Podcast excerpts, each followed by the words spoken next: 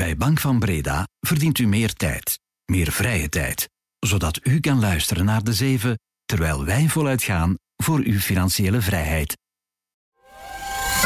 Welkom bij de zeven van de tijd. Elke dag om 7 uur onze blik op de zaken in 7 punten. Dit is Bert Rijmen. Goedemorgen. Nu de verkiezingszege van de uiterst rechtse PVV bij onze noorderburen. Wat is bezonken? Wat betekent die voor de rest van Europa? Komt er volgend jaar een algemene ruk verder naar rechts? Laatste dag van premier Kro in Israël en Palestina. Wat heeft hij daar verwezenlijkt? Onze verslaggever is erbij en we weten alweer iets meer over wat precies tot het ontslag van CEO Sam Altman heeft geleid daar bij OpenAI. Het was een brief over de volgende stap in de richting van artificiële superintelligentie. Het is vrijdag 24 november. Welkom.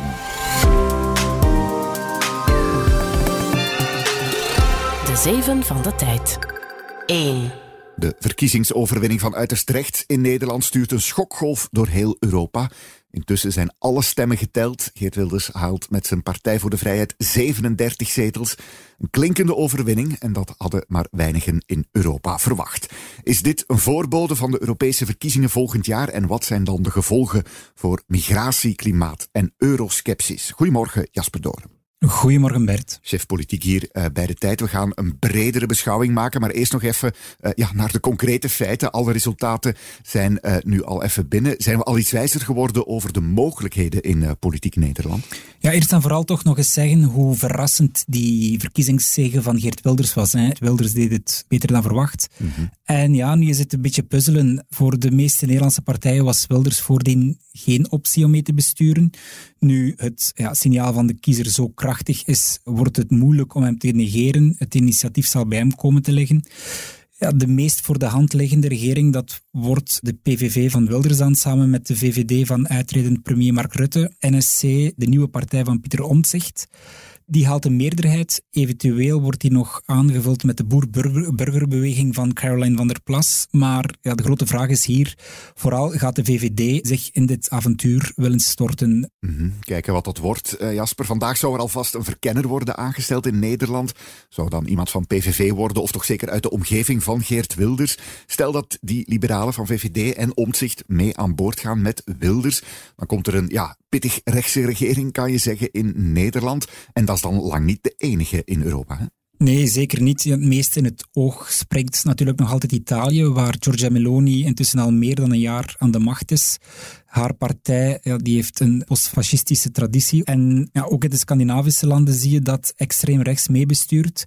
In Finland zitten ze in de regering. Tegenwoordig heet die de Finnenpartij. Mm -hmm. En in Zweden wordt de regering gedoogd door een extreemrechtse partij. En dan heb je eigenlijk nog al uh, Oost-Europese landen waar misschien niet zozeer extreem rechtse figuren aan de macht zijn, maar wel toch behoorlijk autoritaire uh, personen. We denken aan Viktor Orban in Hongarije, uh, Fico in uh, Slowakije en in Polen zijn nog steeds de conservatieven van de PIS aan de macht. ze hebben dan wel de verkiezingen verloren, maar ze zijn nog niet vervangen.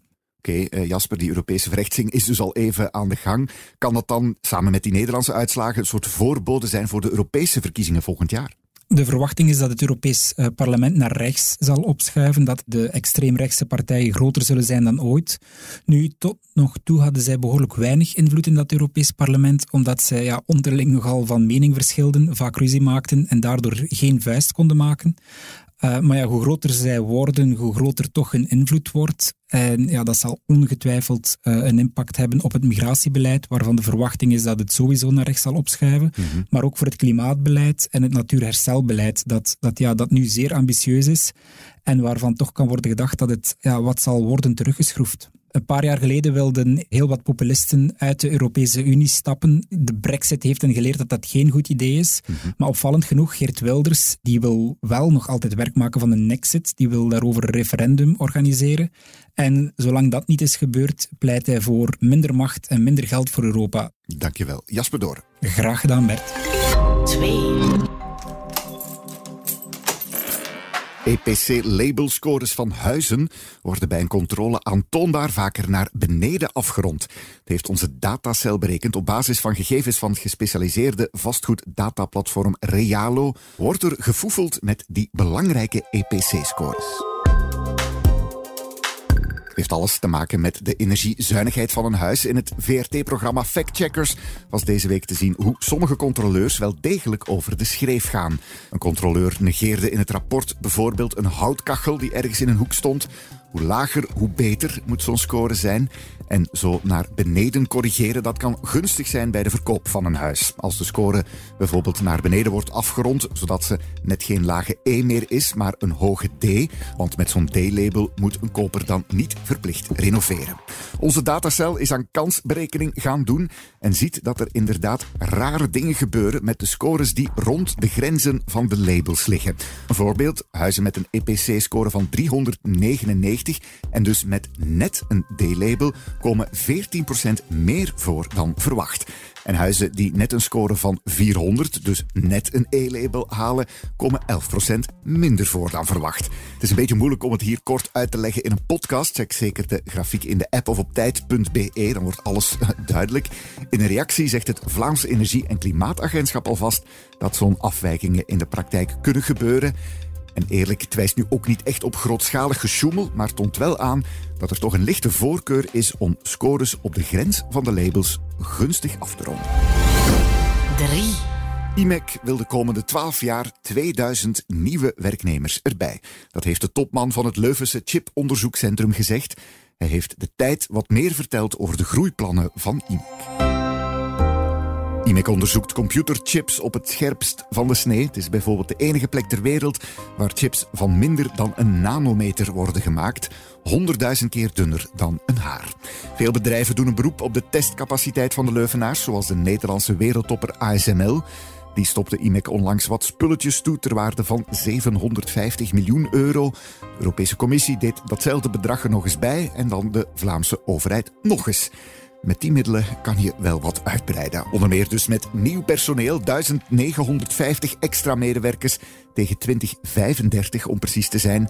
Technici, fysici, chemici, ingenieurs, noem maar op, zegt IMEC. Op dit moment werken er daar al 5500 mensen. Daarnaast komen er nieuwe gebouwen en een clean room die zo proper is dat er zelfs geen stofjes in de lucht zitten die op de chips kunnen vallen. 4. Het is de laatste dag van het bezoek van premier Kro aan Israël en Palestina. Gisteren ging hij langs in een kibbutz, een Israëlisch plattelandsdorp aan de grens met Gaza. En dat werd vorige maand helemaal vernield door de grote aanval van terreurgroep Hamas. Onze verslaggever Henk Dedene was erbij. Um, ik sta hier in uh, kibbutz Beri. Dat is een uh, dorp, Israëlisch dorp op uh, drie kilometer van de Gazastrook. Op de achtergrond is artilleriegeschut te horen. Uh, hier rijden voortdurend uh, Israëlische konvooien langs die Gaza binnenrijden. Dit dorp is zwaar getroffen door de aanval van Hamas op uh, 7 oktober. En premier De Croo krijgt hier op dit moment een rondleiding samen met zijn Spaanse ambtgenoot Pedro Sanchez. Spanje is op dit moment voorzitter van de Europese Raad. In januari is dan ons land. Daarom zijn de Cro en Sanchez er samen. Ze zetten er een soort gemeenschappelijke Europese visie uit in hun gesprekken met de leiders van Israël en Palestina, premier Netanyahu en president Abbas. Toevallig zitten België en Spanje ook op dezelfde lijn, wat gematigder dan andere Europese lidstaten. Ze pleiten allebei voor meer terughoudendheid van Israël. Premier De Croo. Prioriteit is het beschermen van, uh, van de Israëlische bevolking. En ik begrijp dat. Maar je kan terzelfde tijd zeggen, ik wil alles doen om mijn bevolking te beschermen en om terroristen uit te schakelen. Maar terzelfde tijd ook alles doen om te vermijden dat er onschuldige slachtoffers zijn in Gaza. Hoe dan ook waren de Kroo en Sanchez onder de indruk van de vernieling in de kibbutz, zegt onze verslaggever. Ze zien uh, de vernielingen hier, er hangt nog bloed aan de muur. Uh, zwart geblakkerde gebouwen. Het is echt indrukwekkend. De premier is ook heel hard onder de indruk, zegt hij. Um, tegelijk benadrukt hij dat drie kilometer verder uh, er nog steeds dagelijks mensen sterven. Um, en, en, en dat Israël er ook alles aan moet doen om uh, verdere escalatie te vermijden. Uh, het stakt het vuur zou daartoe een opstap kunnen zijn naar verdere stappen richting vrede. En dat staakt het vuren is vanmorgen ingegaan met wat vertraging. Moet vier dagen duren, worden dus Israëlische gijzelaars uitgewisseld dan voor Palestijnen die in de gevangenis zaten in Israël. Hopelijk houdt het stand. De Croo en Sanchez bezoeken vandaag nog Egypte aan de grensovergang met Gaza. Ze praten daar met Egyptisch president Abdul al-Sisi. En de Croo hoopt nadien ook goed nieuws te kunnen brengen over de tientallen Belgen en hun verwanten die nu nog vastzitten in Gaza. 5. Nu bij Blokker, Black Friday. Power dollars are coming to town at the Dodge Black Friday sales event. It's Black Friday Deals Week at Amazon. Let the deals come to you. Waar kijken we vandaag nog naar uit? Wel ja, soms gaan we onbeschaamd de commerciële tour op. Het is Black Friday, kopjes hoogmis voor de feestdagen. Al moet je opletten, de kortingen zijn vaak vals. Heel vaak, eigenlijk. Voorkennis. Want volgens de federale overheidsdienst Economie was de helft van de Black Friday-kortingen vorig jaar vals. De handelaar had dan gewoon vlak voor de koopjesdag de standaardprijzen even verhoogd. Vies trucje. Maar veel retailers doen wel eerlijk mee aan het Amerikaanse fenomeen. Al hoor je ook onder hen alsmaar vaker gemor. Eén elektroketen geeft toe aan onze redactie dat ze de Black Friday-kortingen geven met lange tanden. Dat die waarde vernietigen en vooral de eindejaarscadeaus sponsoren. Maar ja, als ze niet meedoen, gaan klanten wel naar de concurrentie. Toch zijn er hoe langer hoe meer retailers die uit protest gewoon niet meer meedoen. Woonwarenketen Dille en Camille en kledingmerk Xandres bijvoorbeeld, die sluiten sinds vorig jaar gewoon de deuren op Black Friday, ook online. 6. Een veelbetekenende brief ligt waarschijnlijk mee aan de basis van het ontslag van Sam Altman, de CEO bij OpenAI. Een brief die ons ook meer kan vertellen over de volgende stap van artificiële intelligentie.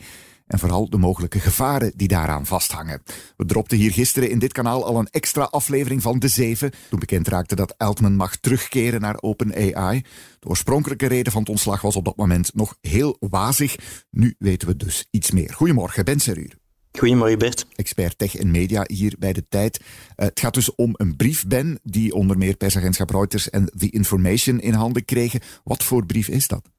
Uh, ja, zij berichten dus dat er een paar dagen voor het ontslag van Altman uh, een brief van enkele uh, onderzoekers is gestuurd naar de Raad van Bestuur.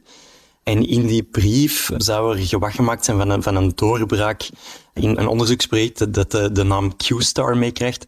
Dat is een, een, nieuw soort model dat de, opvolger van de huidige GPT moet worden.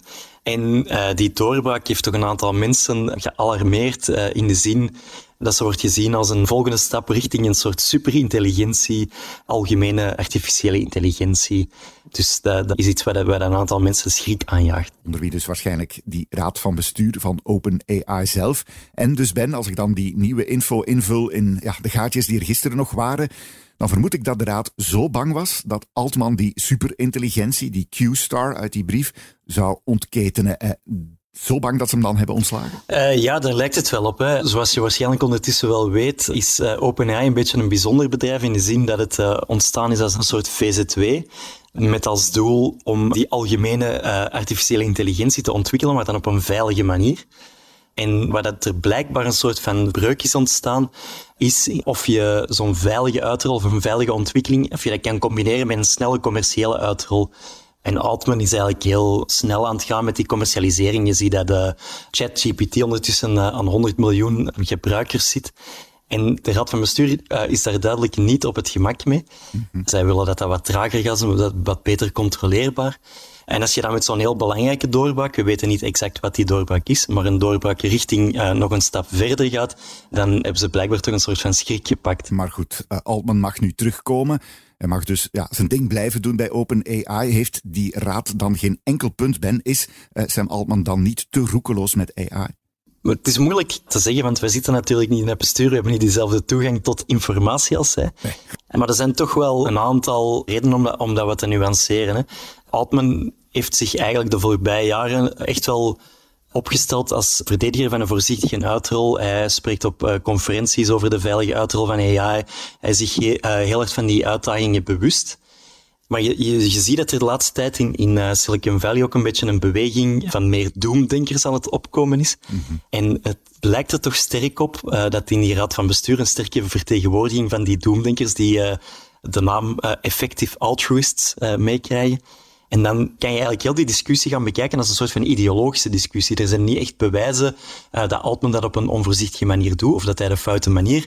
Maar die raad van bestuur dacht dan blijkbaar dat het toch niet verenigbaar was zonder dat echt hard te kunnen maken. Deze brief maakt eigenlijk voor mij iets meer duidelijk dat het, uh, dat het om een, een, ideologische kwestie gaat, meer dan om harde feiten die je hem kan verwijten. Dankjewel, Ben Serure. Graag gedaan. En mocht je dat nog niet gedaan hebben, beluister hierna dan zeker de, de 7 extra over wat er verder nog allemaal heeft gespeeld de voorbije dagen daar achter de schermen bij OpenAI.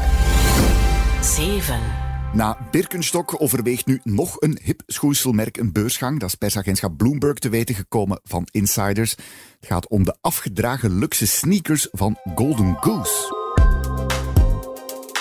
Dat is een Italiaans merk, bekend van een ster op de zijkant en een gebruikte look met geprefabriceerde vuile vegen en beschadigingen en al. Paar kost al snel 500 euro. Achter Golden Goose zit een investeringsfonds, Permira.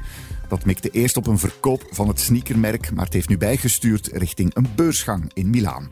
Er is sprake van een waardering van 3 tot 4 miljard euro. Maar is dat een goed idee met Golden Gooses aan de beurs opwandelen? Dat is lang niet zeker. Toch als je kijkt naar wat er gebeurt bij Birkenstock, die nieuwkomer noteert nog altijd een stuk onder de introductieprijs. Daarmee zit de laatste de zeven van deze week er weer op. Maandag zijn we er weer om met een gast vooruit te blikken naar de week die komt. Deze keer doen we dat met de chef netto van de tijd, Sonja Verschuren. Voor straks alvast een fijn weekend en tot maandag. Dit was de 7 met Bert Rijmen. Productie door Roan van Eyck van op de redactie van De Tijd. Bedankt om te luisteren. Volgende week zijn we er weer. Tot dan.